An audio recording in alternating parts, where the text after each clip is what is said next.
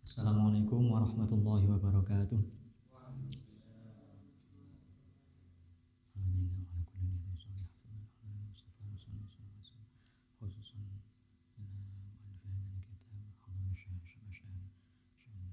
الفاتحة أعوذ بالله من الشيطان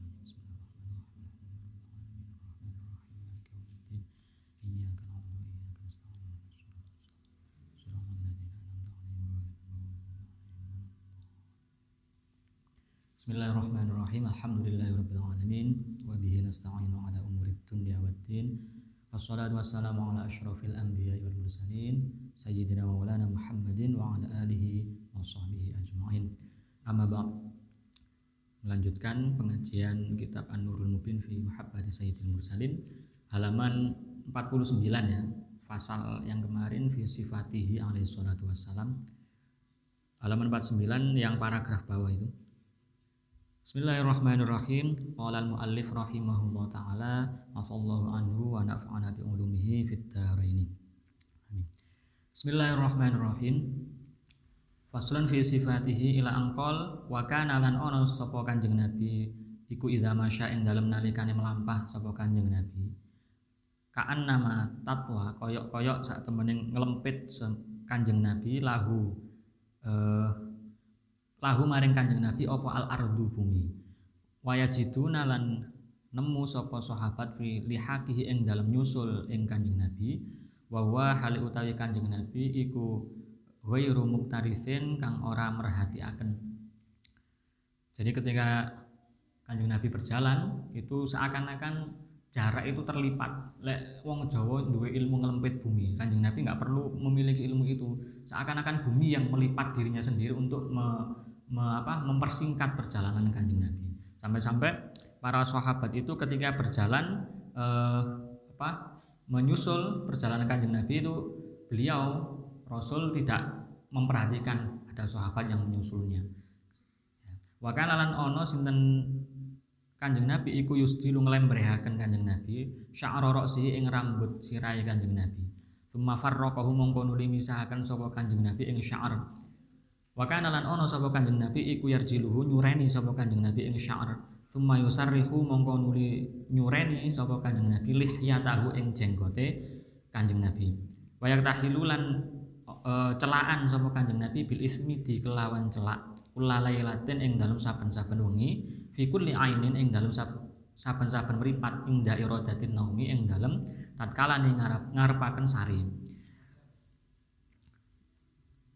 Kanjeng Nabi um, apa, menguraikan rambutnya, jadi tidak mengikat rambutnya. Ya, kemudian memisah-misahkan rambutnya di selang-selang seperti itu. Itu kalau beliau berjalan.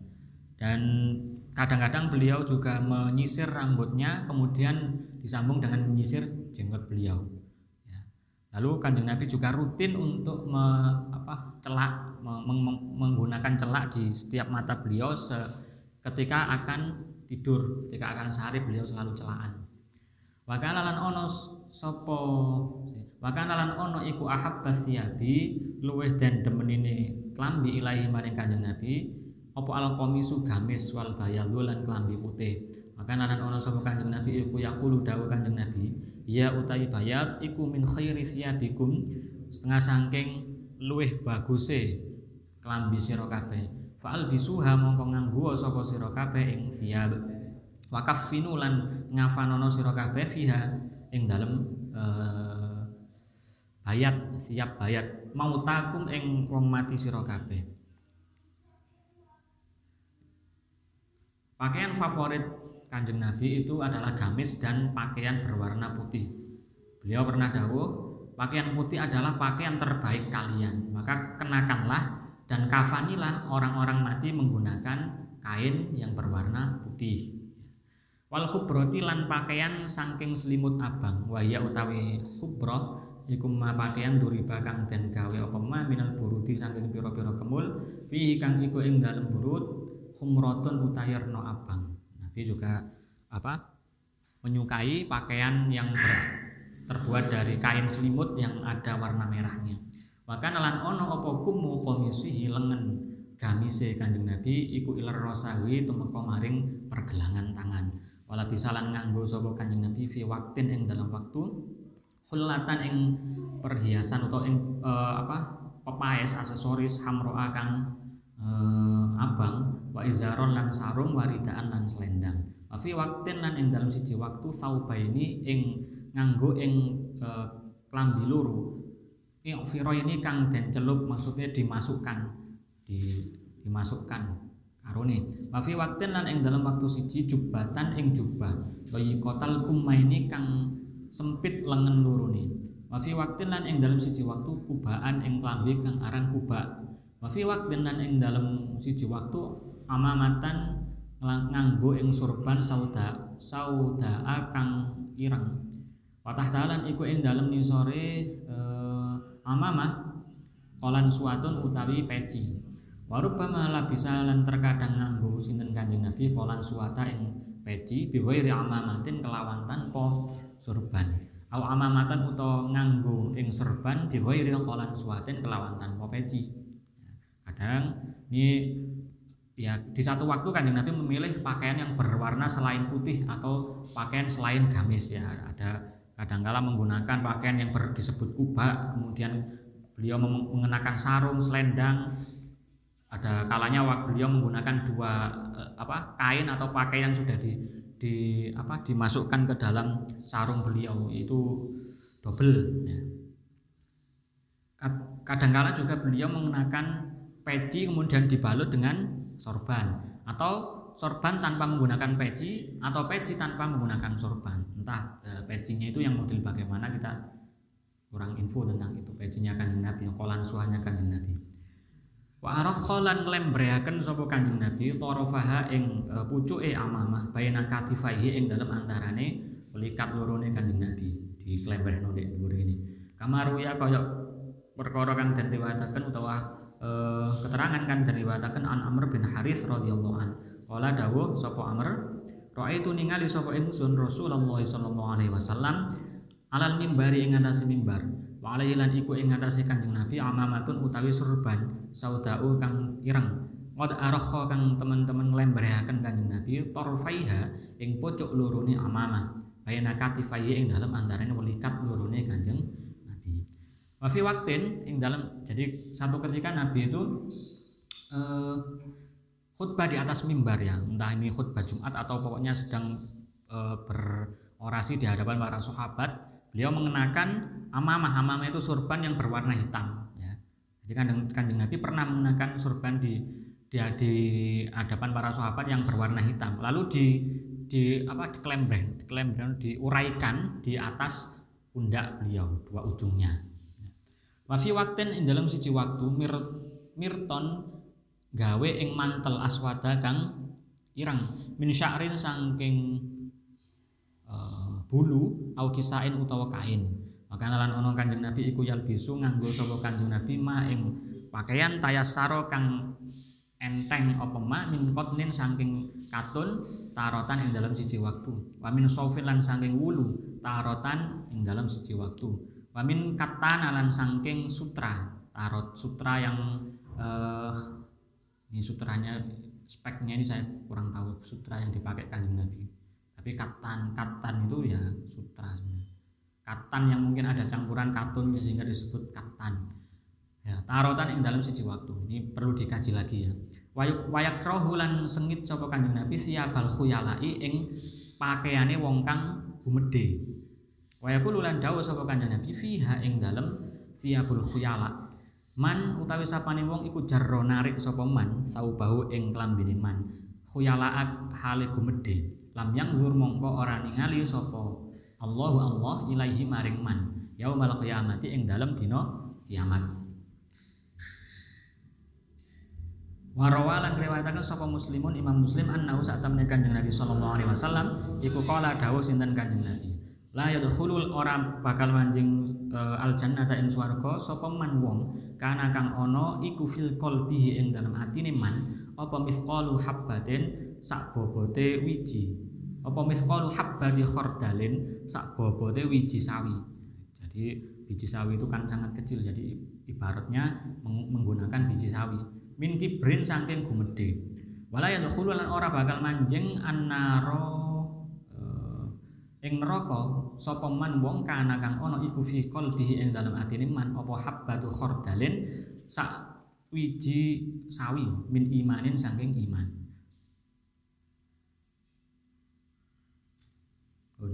Jadi ini kita kaitkan dengan ada satu hadis yang e, intinya kanjeng Nabi itu pernah me mengkritik orang yang menggunakan kain jubah atau sarung yang diklembreh, diuraikan sampai di bawah mata kaki.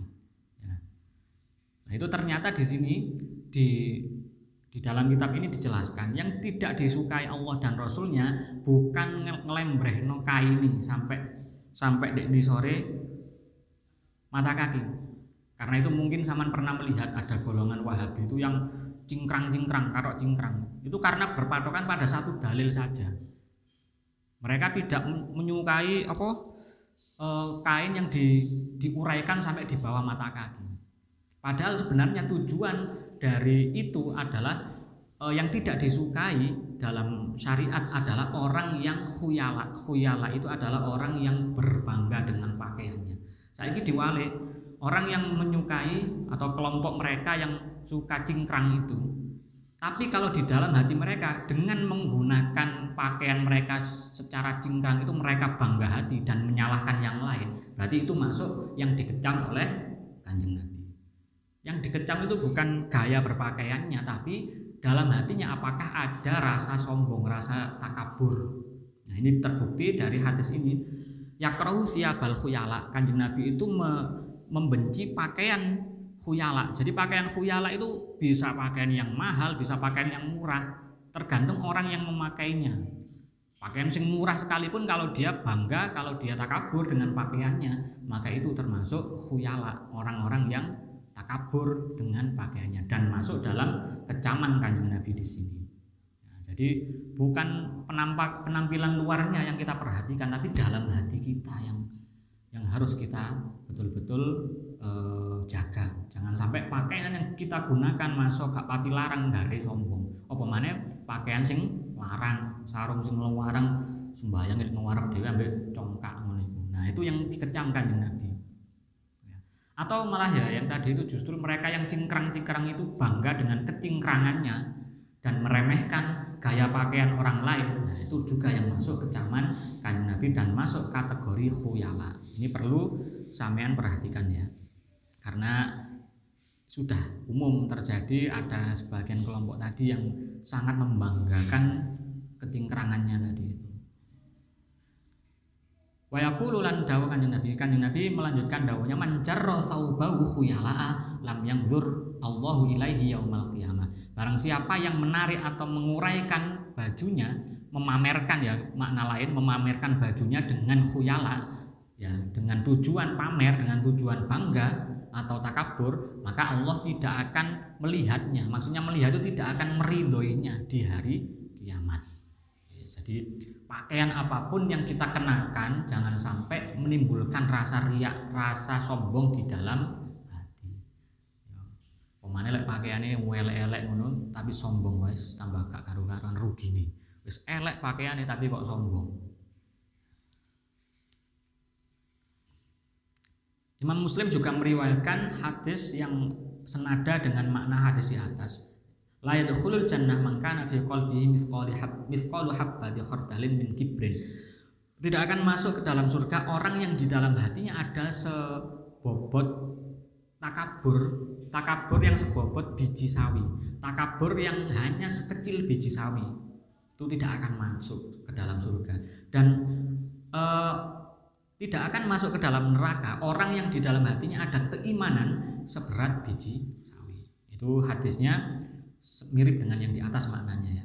Intinya kita tidak boleh khuyala tidak tidak semestinya kita membanggakan pakaian yang kita Faqala mongko dawuh sapa rajulun, "Ya Rasulullah, ini saat temene ingsun iku uhibbu demen sapa ingsun, ayyakuna ing yen ana apa saubi klambi ingsun.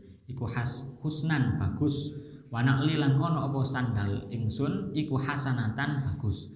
Afa minal kibri ana ta mongko iku setengah saking takabur Zaka utawi mengkono-mengkono ayyakuna. Ada sahabat bertanya, "Ya Rasulullah, aku aku senang menggunakan pakaian yang bagus dan aku juga senang menggunakan sandal yang bagus. Apakah itu termasuk takabur ya Rasulullah?" Itu ditanyakan pada Rasulullah seperti itu. Dijawab beliau, faqala monggo jawab Kanjeng Nabi, "La, ora." Allah saat temene Gusti Allah iku jamilun dat kang indah yuhibbu kang mencintai sapa Allah al jamala ing keindahan. Al kibru utawi takabur iku batirul haqqi e, nolak perkara kang hak wa ghamtun nasilan ngino-ngino menungso. Jadi dijawab oleh Rasulullah bukan pakaian yang bagus, sandal yang bagus itu bukan sesuatu yang disebut takabur. Ya. Karena sesungguhnya Allah juga zat yang maha indah dan menyukai keindahan. Pakailah pakaian yang bagus. Kalau kamu mampu membelinya, pakailah sandal yang bagus. Asalkan jangan sampai di dalam hati ada takabur, sombong dengan apa yang digunakan. Yang disebut takabur di sini dalam hadis, takabur adalah menolak kebenaran dan menghina manusia. Misalkan kita menggunakan pakaian yang bagus, mahal, bermerek sampai capek ditokno, diwalik ini, ya. itu dengan gaya menyombongkan diri. Mungkin loh, pakaian kuapi itu loh, sepatu warang jutaan misalnya. Nah itu dengan menyombongkan diri dan menganggap orang lain yang memakai sepatu jelek semua. Nah itulah yang disebut takabur yang dikecam di dalam penjelasan pada hari ini. Ini e, materi tentang apa yang, digunakan Rasulullah juga kita bisa mengambil kesimpulan dari sini. Jangan sampai menggunakan suatu pakaian atau apa yang kita pakai di dalam di tubuh kita dengan tujuan untuk takabur di hadapan manusia. Wala bisa lan nganggo sapa Kanjeng Nabi al khotama ing ali-ali. Alladzi rupane khotam nuqisha kang dan ukir alaihi ing atase alladzi uh, apa ismuhu asmane Kanjeng Nabi Al Karimu kang mulya. Maka lan ana sapa Kanjeng Nabi iku yakhtimu nganggo ali-ali. Sapa Kanjeng Nabi bihi kelawan khotam kutubahu uh, ing pira-pira surate Kanjeng Nabi ilal muluki maring pira-pira raja. Seperti yang kemarin ya, uh, cincin Nabi itu bukan hanya, hanya untuk hiasan saja tapi untuk menyempel surat-surat beliau yang dikirimkan ke raja-raja. Wayal bisa ulan nganggo sapa kanjeng Nabi ing khotam fi usbu'i ing dalem pira-pira drijine kanjeng Nabi. Oleh salan ora ana apa dalika mengkono-mengkono khotam iku kal khotami kaya ali-ali alladzi yalbisahu kang nganggo ing khotam sapa annasu menungso al ana ing dalem saiki lizinati krana pepaes. Jadi yang cincin yang digunakan oleh kanjeng Nabi dipakai beliau untuk menyetempel surat-surat meskipun terbuat dari perak itu sama sekali tidak sama dengan cincin yang digunakan oleh orang zaman sekarang untuk perhiasan. Hanya Nabi tidak butuh perhiasannya. Jadi fungsi cincin untuk beliau itu untuk nyetempel surat.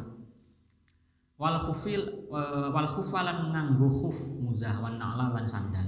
Maka lan ono sapa Kanjeng Nabi sallallahu alaihi wasallam iku idzala bisa dalam nalikane nganggo sapa Kanjeng Nabi qamisun ing gamis. Bada'a mongko ngawiti Kanjeng Nabi biyamini kelawan tengen, kelawan anggota tengene Nabi. Berarti tangan tangan kanan beliau yang dimasukkan ke gamis pertama kali.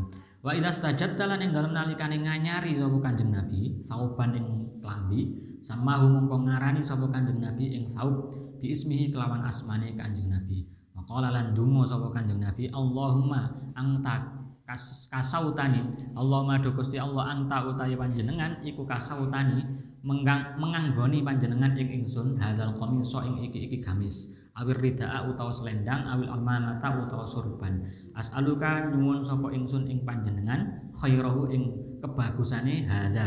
Wa khairu malan kebagusane perkara suni akang dan agawe kang dan ciptakaken apa malahu krana krana komis krana hadza. Wa a'udzu lan nyuwun kebawreksa sapa ingsun bika kelawan panjenengan min syarrihi saking olone hadza. Wa syarri malan olone perkara suni akang den ciptakaken apa hanya lahu koronoma. Kanjeng Nabi ketika memiliki atau mendapatkan pakaian yang baru, beliau berdoa ini. Jadi ini bisa sama namakan doa kanjeng Nabi ketika menggunakan atau mengenakan pakaian baru, entah itu sarung, sorban atau baju. Beliau berdoa, Allahumma anta sautani hadzal qamisa awir rida awil amama as'aluka khairahu wa khaira ma suni'ala A'udzu bika min syarrihi wa syarri ma suni'ala. Ini doa ketika menggunakan atau memakai pakaian baru. Itu tadi sampai di situ menjelaskan tentang sifat-sifat Nabi, ya. sifat-sifat yang tampak, ya, eh, akhlak-akhlak beliau yang tampak.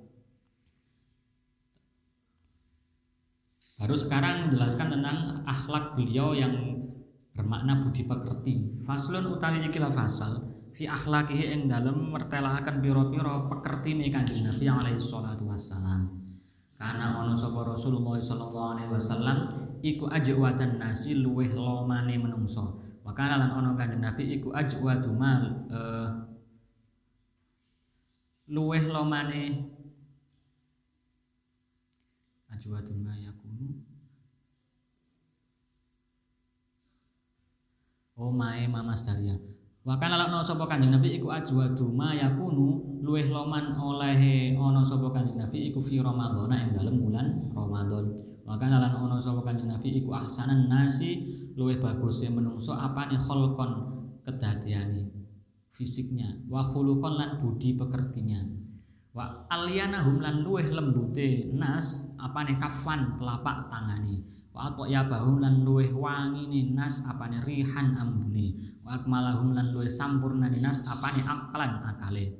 Wa ahsanahum lan luwih bagus nas apane usyratan keluargane. Wa alamahum lan luwih alimin nas billahi kelawan Allah apane ma'rifatan ma'rifate. Wa asyaddahum lan luwih bangetin nas billahi maring Allah apane khasyatan wedine Budi pekerti Nabi ya, beliau Nabi Muhammad SAW adalah ajwadan nas, manusia yang paling dermawan. Beliau juga e, manusia yang kedermawanan itu berlipat ganda ketika berada di bulan Ramadan. Ya. Beliau adalah ahsanan nas kholqan wa khuluqan, manusia yang paling baik e, fisiknya, paling ganteng fisiknya, paling sempurna fisiknya dan juga budi pekertinya. Kholqan itu fisik, khuluqan budi pekerti. Aliana kafan, manusia yang paling lembut telapak tangannya. Atia bahurihan, manusia yang paling wangi paling harum akmalahum aklan manusia yang paling sempurna akalnya paling cerdas wahsanahum usrotan manusia yang paling baik paling bagus keluarganya dan manusia yang paling alim paling tahu pada Allah secara makrifat ya. dan juga manusia yang paling e, tinggi derajat takutnya pada Allah. Jadi kanjeng Nabi itu takut kepada Allah meskipun dijanjikan berbagai macam janji-janji indah dari Allah kepada kanjeng Nabi tapi beliau tetap memiliki khosyah khauf. Nah, dijamin masuk surga saja dalam satu hari minimal membaca istighfar 100 kali. Itu kanjeng Nabi. Kanjeng Nabi adalah orang yang paling takut kepada Allah. Meskipun beliau sudah dijamin masuk surga oleh Allah dan dijamin mendapatkan ridho Allah. Walau bulan orang sengit sapa Kanjeng Nabi li nafsihi krana awak dhewe ne Kanjeng Nabi. Wala yang takimulan ora natrapi ora memberi sanksi sapa Kanjeng Nabi laha krana nafsuhu. Wa inna ma yaghdabu lan angin pestine bendu utawa sengit sapa Kanjeng Nabi idza hikat ing dalem nalikane den rusak apa maharimullahi taala larangane atau perkara-perkara haram perkara-perkara haram Allah taala. Fahina idzin monggo ing dalem nalikane hikat ya godobu bendu sapa kanjeng Nabi. Wala yakumulan orang ngatasi orang e, ngenggon-nggoni li godobi mari godobi kanjeng Nabi apa syai'un suwiji-wiji. Hatta yang taswiro sehingga menangaken e, sapa kanjeng Nabi lil haqqi maring hak.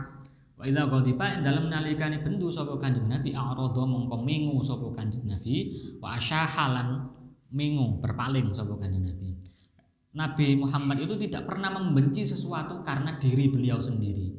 Beliau juga tidak pernah memberi sanksi pada seorang pun karena beliau sendiri. Tapi beliau ketika membenci sesuatu itu pasti ada alasan yang syar'i. Ya, ada sesuatu yang dilanggar secara syariat, maka beliau, baru beliau membencinya.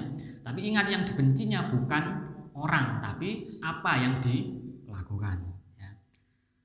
Ketika dilanggar syariat-syariat atau larangan-larangan Allah, maka baru Nabi Muhammad membenci. Jadi sama sekali Nabi Muhammad itu tidak pernah membenci orang karena kelalaiannya. Andai kata kelalaian itu tidak melanggar syariat, maka Nabi Muhammad tidak pernah membenci. Jadi beliau membenci itu kalau sudah ada pelanggaran-pelanggaran syariat berat baru beliau membencinya. Dan ketika beliau membenci sesuatu tidak akan ada yang bisa menghalangi kebencian itu. Maksudnya tidak ada yang bisa meredakan beliau bencinya itu sampai kebenaran ditegakkan. Jadi orang itu bertaubat dan sudah mengakui kesalahan baru beliau godopnya akan bisa reda. Ya. ketika kanjeng Nabi godop membenci sesuatu beliau berpaling. Ya. Ber, berpaling tidak gak direken wis wong sing dia mang sebelum bertaubat. Maka lalang ono apa khuluquhu pira-pira pakertine Kanjeng Nabi sallallahu alaihi wasallam iku Al-Qur'ana Al-Qur'an. Maka lalang ono sapa Kanjeng Nabi iku asyad dan nasi luweh banget menungso apane tawaduan tawaduke andap asore. Yaqdi e, nekani sapa Kanjeng Nabi hajat ahli ing kebutuhan keluargane Kanjeng Nabi. Wa yakhwadulan ngasoraken sapa Kanjeng Nabi janahahu ing pribadine Kanjeng Nabi lidhu afai maring kaum duafa. Wa masu ilalan ora dan suwuni sapa kanjeng Nabi syai'an ing suwiji-wiji fakot babar pisan. Fakola monggo ngucap sapa kanjeng Nabi la ora ora gelem. Wakana minan dijelaskan. Wakana lan ana sapa kanjeng Nabi iku ahlaman nasi paling bijaksana nih paling arise menungso. Maka lan ana sapa kanjeng Nabi iku asyad dan nasi luwih banget menungso apane hayaan di sini isin wa kana lan ono sapa al qaribu wong kang cedhek wal ba'idu lan wong kang adoh wal qawiyyu lan wong kuat wa dhaifu lan wong apes lemah fil haqqi ing dalam kebenaran iku sawaan padha. Akhlaknya kanjeng Nabi itu e, adalah Al-Qur'an itu sendiri. Jadi Al-Qur'an itu adalah kalamullah ya berisi e, aturan-aturan dalam muamalah dalam segala sendi kehidupan ya. Itu tertulis di, di Al-Quran. Tapi yang mempraktekkan mencontohkan adalah kanjeng Nabi. Dalam akhlak beliau sehari-hari. Mulai dari beliau bangun tidur sampai tidur lagi itu adalah e, akhlak Al-Quran yang bisa kita teladani setiap harinya. Jadi tidak ada satu hal pun dalam diri Nabi atau yang dilakukan Nabi yang melenceng dari Al-Quran. Apa yang dikatakan Nabi, apa yang dilakukan Nabi itu semuanya adalah Al-Quran. Maksudnya e, cerminan dari Al-Quran jadi wong saiki manifestasi dari Al-Quran. Beliau adalah orang yang paling tawaduk, asyad dan nas tawaduan. Padahal derajat beliau itu sangat tinggi di sisi Allah, tapi beliau adalah manusia yang paling tawaduk. Yang dihajat ahli eh, beliau juga memenuhi kebutuhan keluarganya, ya, ya nyambut gawe, kemudian merendahkan pribadi beliau di kalangan orang-orang lemah dan ketika beliau dimintai sesuatu, masuk ila syai'an faqat faqolala. Saat beliau dimintai sesuatu apa pun, tidak pernah sama sekali beliau bilang tidak, gak gelem. Pasti beliau mau memberikannya, asalkan memang kanjeng Nabi memiliki. Ada orang yang meminta apa pun, pasti kanjeng Nabi memberikannya. Tidak pernah beliau menolak. Maka anak ahlaman nas, kanjeng Nabi juga adalah orang yang paling bijaksana, ah, halim. Maka anak syaddanas hayaan, beliau juga manusia yang paling tinggi tingkat malunya ya. Jadi sangat uh, tidak memalukan. Artinya yo malunya sangat tinggi. Malu untuk dipandang orang malu untuk dianggap baik oleh orang lain dan seterusnya. Nah ini simpulnya wakan al qarib wal ba'id wal qawi wal fil haqqi sawaan orang dekat maupun jauh tetangga sendiri yang dekat atau tetangga jauh atau orang yang sama sekali belum mengenalnya kemudian orang kuat ataupun lemah ketika berhadapan dengan kebenaran itu derajatnya sama di hadapan kanjeng Nabi. Kanjeng Nabi tidak pernah membeda-bedakan orang apakah dia orang lemah apakah dia orang kuat. Pokoknya yang benar itu pasti yang dibela dan ditegakkan kebenarannya oleh kanjeng Nabi. Tidak peduli itu orang jauh ataupun orang dekat siapa yang benar pasti dibela kanjeng jadi tidak pilih-pilih. Wakalan ono sapa kanjeng Nabi iku yatufu ngubengi. Ya. kanjeng Nabi ala nisaihi ing nasi pira-pira istrine kanjeng Nabi fil lailati ing dalem wengi al wahidati kang siji. Wa yuqassimu qasam wa yuqassimu lan bagi. Kanjeng Nabi bainahunna ing dalem antarané nisa fil mabiti ing dalem nggon nginep wal iwa ilan nggon e, ngungsi wan nafaqati lan nafaqah Wa amal mahabbatu Wa amal mahabbatu fakana yakulu. Anapun utawi wong kang demen iku fakana mongko ana sapa Kanjeng Nabi iku yakulu anapun utawi wong anmal muhibbah fa kana yaqulu iku yaqulu dawuh Kanjeng Nabi Allahumma hadza qasami Allahumma do Gusti Allah hadza uh, utawi iki iki yaksimu iku qasami fima. Qasami bagi sapa ingsun fima ing dalam barang amliku kang miliki sapa ingsun. Fala talumuni mongko ampun maido panjenengan ing ingsun fima ing dalam perkara la amliku kang ora miliki sapa ingsun. Maka lalan ono sapa Kanjeng Nabi ma'a azwaji serta ni pira-pira garwane Kanjeng Nabi iku hasanal muasyarati kang bagus serawungane pergaulane. Wa hasanal khuluqilan bagus pekertine wa kana lan ono sapa Kanjeng Nabi? Hmm, iku yusarribu manjing sapa Kanjeng Nabi? Ila Aisyah tamaring Aisyah. Utawa mem, e, mengenalkan e, menggaulkan Nabi pada Aisyah banatil angsori ing piro-piro anak wadone sahabat angsor yal abana hale dolanan sapa banat ma'aha sertane Aisyah.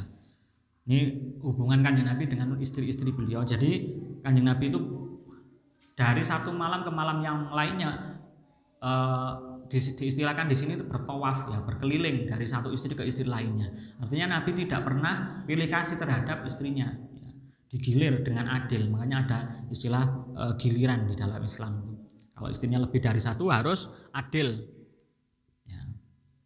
baik dari tempat menginap ataupun nafkah itu dibagi oleh Nabi dengan adil ya.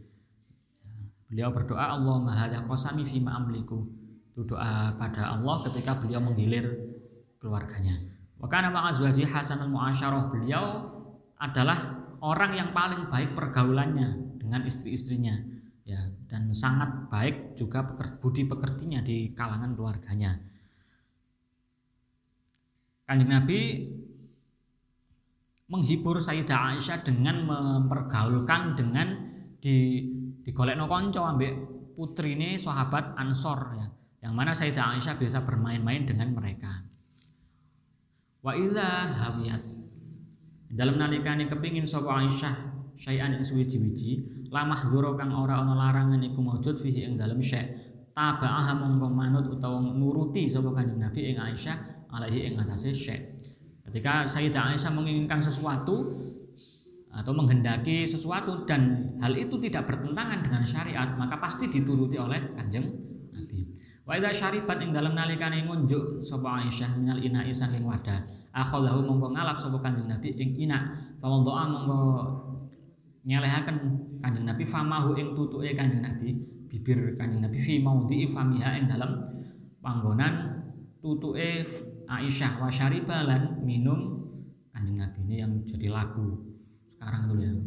Ketika Sayyidah Aisyah minum di gelas misalkan beliau Kanjeng Nabi setelah Sayyidah Aisyah minum Kanjeng Nabi mengambil gelas itu kemudian meminum dari tempat minumnya Aisyah di tempat bibir Sayyidah Aisyah.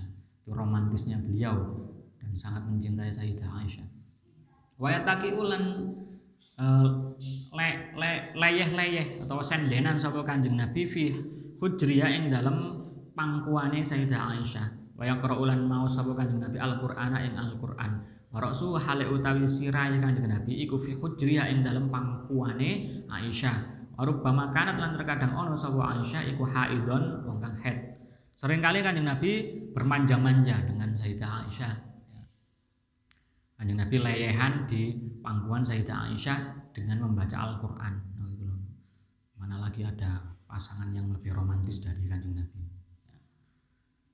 Seringkali Kanjeng Nabi melakukan itu meskipun pada saat itu Sayyidah Aisyah sedang haid. Ya, jadi tidak dilarang.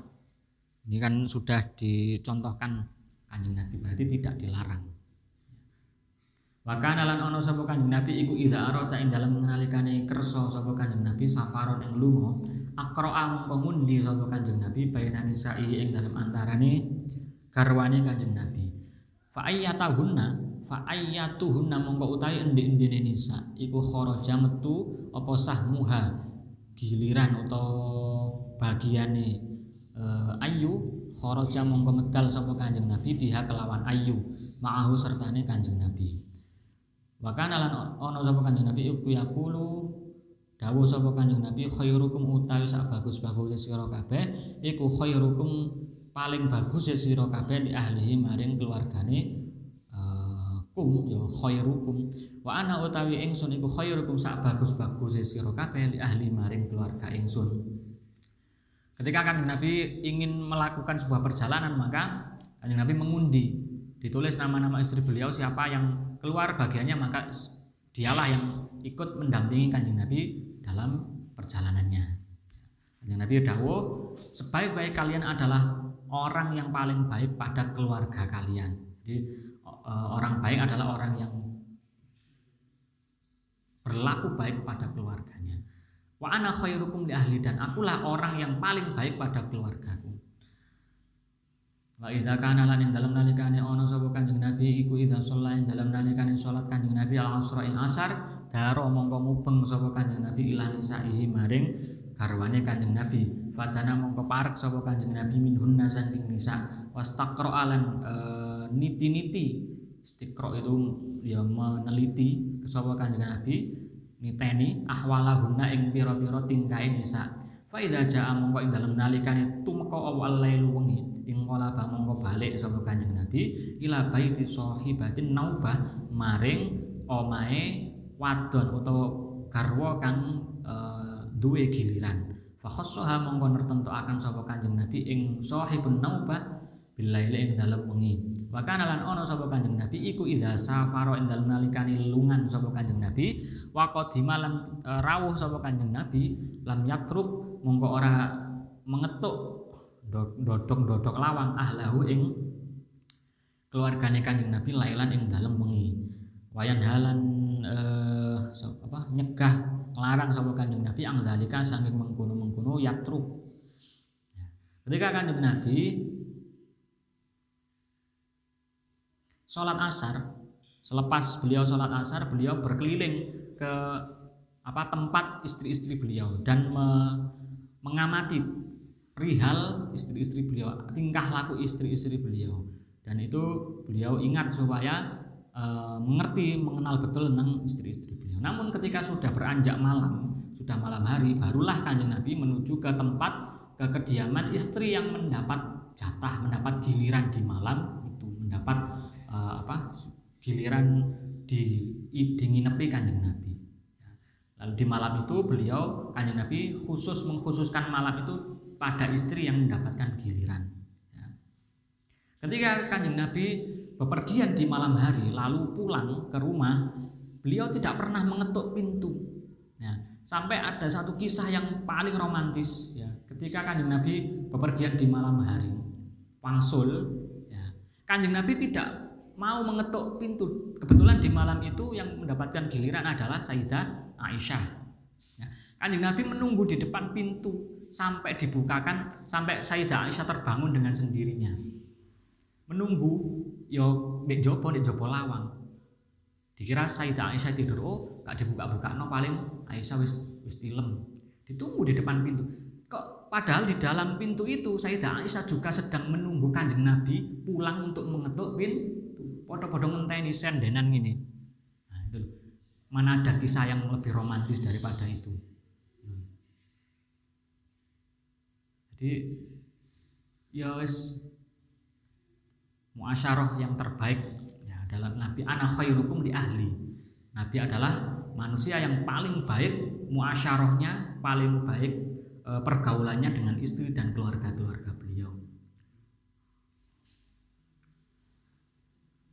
dan memang kan Nabi melarang e, suami yang pulang di malam hari untuk mengetuk pintu. Ini zaman lek lek iso gak usah dodok lawang bojone cek gak tangi melek wis rapi kuncinya digandakno gak usah nangin bojone. Jadi lek sampean duwe kunci cadangan sampean masuk ke dalam rumah ya delok kabeh wis sare wis turu kabeh ya gak usah ditangikno kecuali lek membawa makanan atau apa yang sekiranya istri dibangunkan tidak tidak marah justru malah akan senang ya apa-apa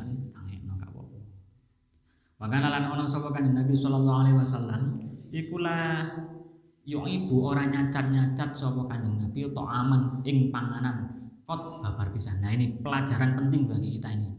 Masalah makanan ya. Kanjeng Nabi itu meskipun beliau itu seleranya sangat tinggi, Beliau itu bisa membedakan mana makanan yang enak, mana makanan yang kurang enak. Ya.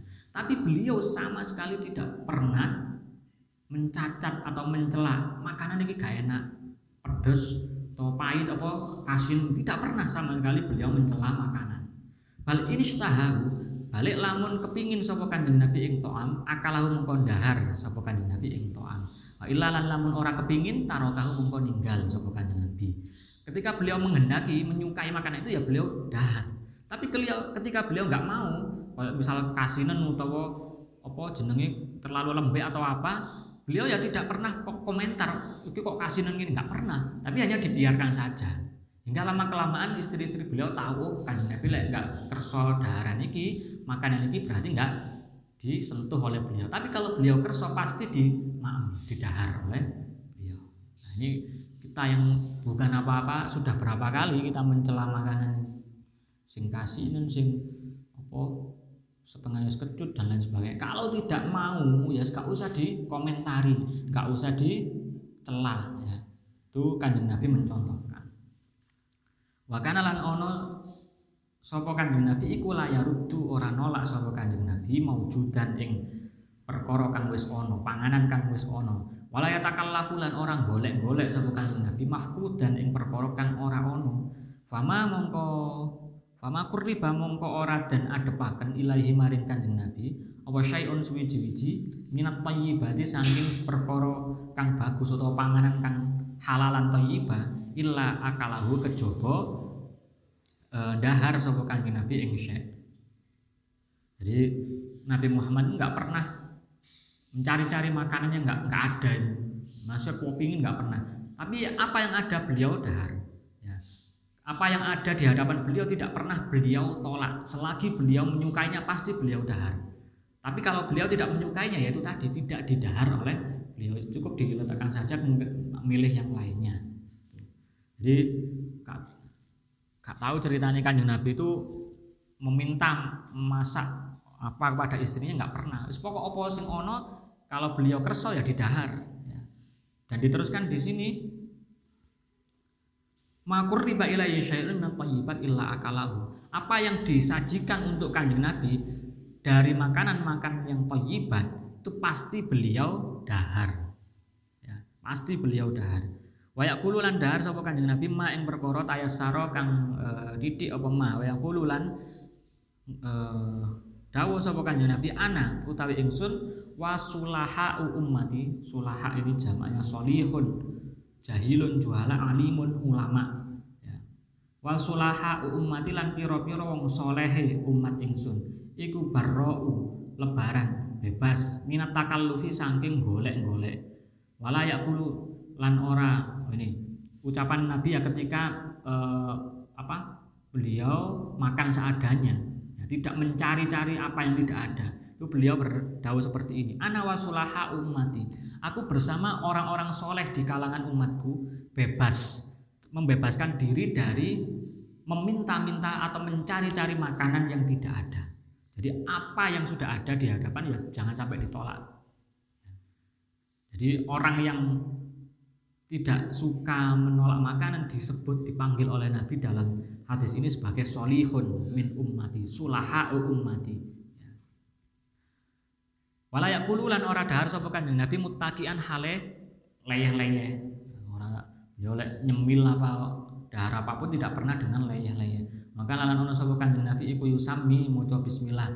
Allah ing Allah taala ala awwali ta'amihi ing ngatasé awale dahare kanjeng Nabi. Wa yahmidu lan muji sapa kanjeng Nabi fi akhiri ing dalam akhir ta'am. Mengawali ma'em, mengawali dahar dengan bismillah dan mengakhirinya dengan membaca alhamdulillah. Maka lan ono sapa kanjeng Nabi iku yuhibbu demen sapa kanjeng Nabi al halwa ing manisan.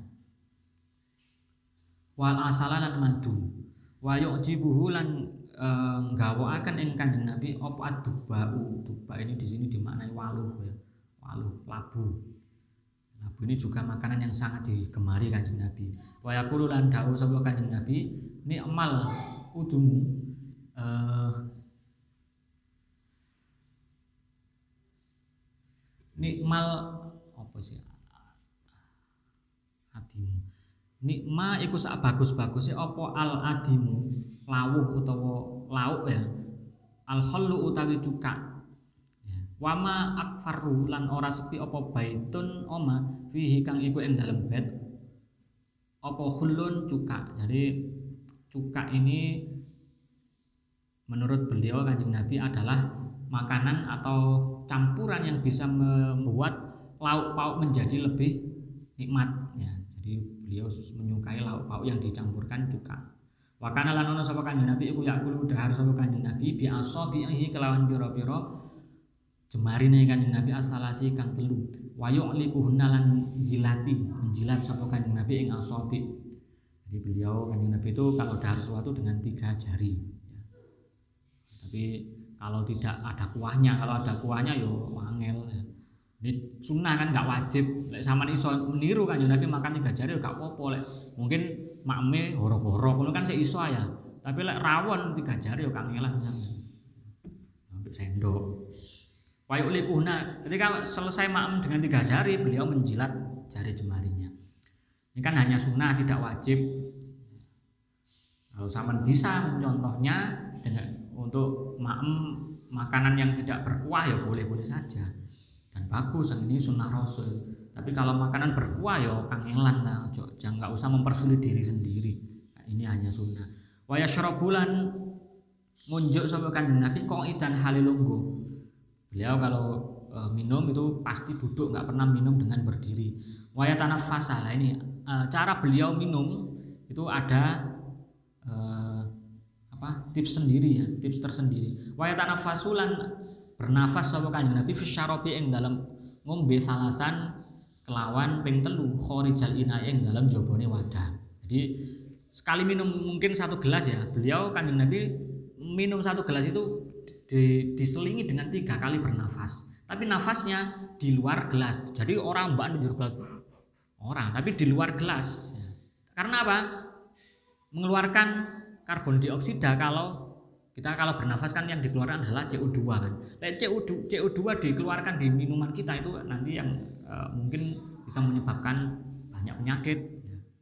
Susah mencari ya, penelitian tentang itu. Kenapa kanjeng Nabi? Pasti kalau dianjurkan oleh kanjeng Nabi ada hikmah di balik itu. Minimal untuk kesehatan. Minimal juga cek gak keselak. Sama lek ngombe sak gelas kewede, kakate ambaan langsung legek ngono ya kok gak keselak. Lek kadung keselak mlebu nang paru-paru Alhamdulillah. Jadi apa yang diajarkan kanjeng Nabi ya mulai dari hal-hal terkecil sekalipun itu pasti ada hikmahnya ya yang bisa kita ambil. Ya mungkin kalau sama mungkin membaca jurnal-jurnal ilmiah tentang kenapa kanjeng Nabi kok uh, minumnya diselingi dengan bernafas ada pasti yang sudah meneliti tentang ini. Saya belum sempat. Yang jelas kalau secara logis ya bernafas di tengah-tengah minum ya untuk mengatur pernafasan supaya eh, apa saluran di kerongkongan dan tenggorokan ini kan ada klepnya ya. Klepnya itu tidak ketika buka tidak kemasukan air klep yang ke saluran ke paru-paru pernafasan tidak kemasukan air yaitu diselingi dengan bernafas. Itu secara logika saja. Tapi pasti ada hikmah di balik itu. Wayakulu eh, Wa yaqulu lan dawuh Kanjeng Nabi innahu sak temene ngombe sing tiga kali bernafas iku mang. Iku arwa luwih nyegeraken wa amroa lan luwih nyegeraken wa abro lan luwih marasaken. Lah ini Kanjeng Nabi dawuh minum dengan tiga kali nafas itu lebih menyegarkan lebih menyegarkan diulang sampai dua kali dan yang terakhir lebih menyehatkan. Nah ini pasti kalau sudah ada kata-kata abrou menyehatkan itu pasti ada eh, rahasia di balik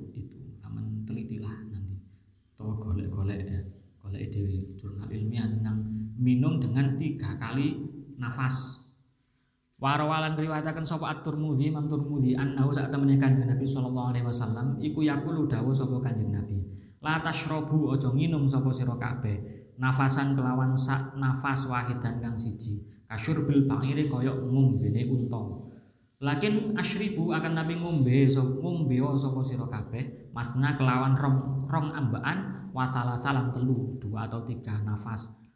Uh, wasam mulan nyebuto sapa sira kabeh idza antum ing dalem nalikane utawi sira kabeh iku syaribatum ngombe sapa sira kabeh. Wahmidulan samumang maca bismillah maksudnya wahmidulan e, maca alhamdulillah sira kabeh idza antum ing dalem nalikane utawi sira kabeh iku faragtum wis rampung sapa sira kabeh. Maka lan ana sapa kanjeng Nabi iku idza syariba ing dalem nalikane ngunjuk sapa kanjeng Nabi nawala mongko ngelungaken sapa kanjeng Nabi man ing wong ala yamini kang ana arah tengene kanjeng Nabi. Wa ing kana senajan ana sapa man wong ala yasari ing atase arah kiwane kanjeng Nabi iku akbaro luwih sepuh.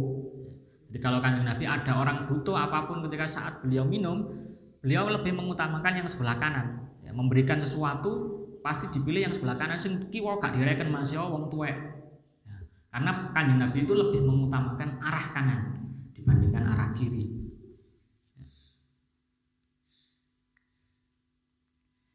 Wa qala lan dawu sapa Abu Hurairah Abu Hurairah radhiyallahu an kharaja medal sapa Rasulullah sallallahu alaihi wasallam minat dunia saking dunya walam yashba' lan ora warak sapa kanjeng Nabi min khubzi syairin saking uh, roti saking gandum. Maka lan ono sapa kanjeng Nabi. Jadi beliau kanjeng Nabi uh, sallallahu alaihi wasallam itu tidak pernah sama sekali merasakan kenyang. Ya, mungkin sehingga dari situlah beliau itu nggak pernah terserang penyakit sing macam-macam karena dalam satu keterangan kanjeng Nabi itu membagi porsi yang masuk ke dalam lambung beliau. Ya, sepertiga untuk makanan, sepertiga untuk minum, minuman, sepertiga untuk dikosongi untuk bernafas ya. Jadi like, ambaan aja gak mengges-mengges ya. Apa menggoh, menggoh, menggoh, mengges-mengges. Beda kan dengan kita sekarang ya. Bener poso mulai terbit fajar sampai terbenam matahari menjalankan ibadah puasa. Tapi pas buat giat noai langsung rong piring melbu gue durung ngombene rong sak gelas akhirnya mari ngono gelegen uh ngono. Wis ambaan sampai uang lah itu. Karena ya apa e, rongga di sini tenggorokan ya yang untuk bernafas. Itu mungkin terdesak oleh makanan sehingga kesulitan bernafas. Sampai sang apa kateo bayu kangelan Makanya Rasulullah itu mencontohkan ketika makan itu jangan pernah sampai kenyang. Dengan catatan tidak sampai kenyang itu bukan dengan memubadirkan. Jadi njupuk makmu sak cukupi, ojo akeh-akeh. Lek sekiranya eh, kepingin makmu gak sampai kenyang yo ya separuh piringnya ya. Kira-kira aku setengah piring ini gak sampai warak. Jangan ingin mempraktekkan ini tapi njupuk sak piring bek. Nah, mari setengah piring, warakem sing setengah piring malah dibuatmu banjir. Tidak seperti itu caranya yang jupuke titik-titik. Kira-kira gorong warak gorong warak gak apa-apa imbo titik ya. Tapi aku lek umbu maning mesti kuareken cukup. Stop di situ lah kalau ingin meniru kanjeng Nabi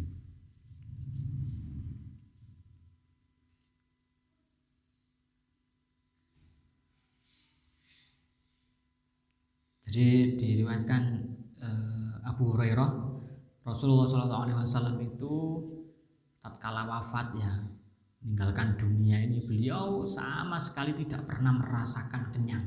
Kenyang meskipun dari roti gandum sekalipun. Ya, beliau daharnya itu secukupnya. Wa kana lan ana sapa kanjeng Nabi iku yakti tumeka sapa kanjeng Nabi asyhara ing wulan. Awis syahra ini utawa rong wulan walayu kodulan ora den urupaken fi baitin ing dalem omah min buyuti ing saking pira-pira uh, omahe Kanjeng Nabi apa narun? Apa jenenge? Geni. Maksudnya apa? Kadangkala satu bulan atau bahkan dua bulan dapur beliau itu tidak ngebul tidak mengepulkan asam maksudnya gak tahu masak saking gak ono sing dimasak. Ya. sehingga beliau sering kali merasakan kelaparan dengan keluarga beliau bukan hanya hitungan hari tapi syahrun abu syahro ini satu bulan bahkan sampai dua bulan beliau pemimpin umat presiden di zaman itu merasakan kelaparan. Ini riwayat Abu Hurairah. Wakala lan ono sapa kanjeng Nabi sallallahu alaihi wasallam iku yakulu uh, kersa dahar sapa kanjeng Nabi al hadiyah ta ing hadiah wala yakulu lan ora kersa dahar sapa kanjeng Nabi as-shadaqah ta ing zakat. Ya sedekah atau zakat maka lan ana sapa kanjeng Nabi iku yukafiu bales sapa kanjeng Nabi alal hadiyati ing ngatasi hadiah. Maka lan ana sapa kanjeng Nabi iku uh, yung sibu mlebetaken sapa kanjeng Nabi ala batnihi ing ngatasi uh, apa madaran atau perute kanjeng Nabi al hajaro ing watu minal ju'i krana luwe maka lan ono sapa kanjeng Nabi iku ya bitu nginep sapa kanjeng Nabi wa hale utawi kanjeng Nabi wa ahlu lan keluargane kanjeng Nabi allayali ing dalem pira-pira dina tawina. Iku padha luwe tol tawiya ini iku padha luwe karune. Ya jadi kanjeng Nabi itu kerso kalau e, ada orang memberikan hadiah kepada beliau beliau kerso untuk dahar. Tapi kalau pemberiannya bersifat sodako atau bahkan zakat kanjeng Nabi menolaknya, tidak tidak mau me, memakannya meskipun beliau sedang lapar. Andai kata ada orang yang memberikan hadiah pada kanjeng Nabi, beliau pasti yukafi mukafaah membalas hadiah itu dengan balasan kayak wong Jawa ya adatnya wong Jawa ternyata ini ada tuntunannya dari kanjeng Nabi. Ketika orang Jawa memberikan sesuatu pada orang lain, dibalas di hari yang lain dengan pemberian yang sama atau pemberian yang tidak sama. Tapi beda lagi kalau adatnya sudah buwuh yang mewajibkan ya. Buwuh tapi tujuannya ngutangi tapi utang yang tidak tertulis itu nanti pembahasan fikih yang di situ. Tapi ini hadiah ya benar-benar murni hadiah. Kalau kan Nabi diberi hadiah orang lain di lain kesempatan pasti kan Nabi membalas hadiah itu. Maka yusibu. Nah ini sering kali kanjeng Nabi itu me, apa me, menyelipkan batu di di sabuk atau di ikat pinggang beliau untuk apa ya istilahnya? Untuk mengurangi rasa lapar beliau. Jadi kalau perut itu kosong kan apa yang ada di situ sudah dicerna ya di dalam lambung itu dicerna. Sehingga eh, sisa-sisa mungkin yang sebenarnya untuk metabolisme tubuh itu di diserap juga oleh lambung. Sehingga kanjeng Nabi menyelipkan batu supaya tidak terasa sakit ketika lapar itu juga terjadi ketika beliau menginap, menginap di istri-istri beliau sering kali kanjeng Nabi tidak memiliki apa-apa untuk dimakan. Ya, walhasil di malam itu dua orang yang e, berada di rumah tersebut tidak dahar. Melewati malam itu dalam kondisi apa itu Rasulullah. Ya. orang yang sebenarnya ketika memohon apa pun meminta apa pun pada Allah pasti akan dikabulkan. Tapi beliau tidak memilih itu. Beliau lebih memilih hidup sederhana. Ya, oleh sing ono ya dahar, sing gak ono ya gak digolek-golek. Wallahu alam bisawab. Al-Fatihah.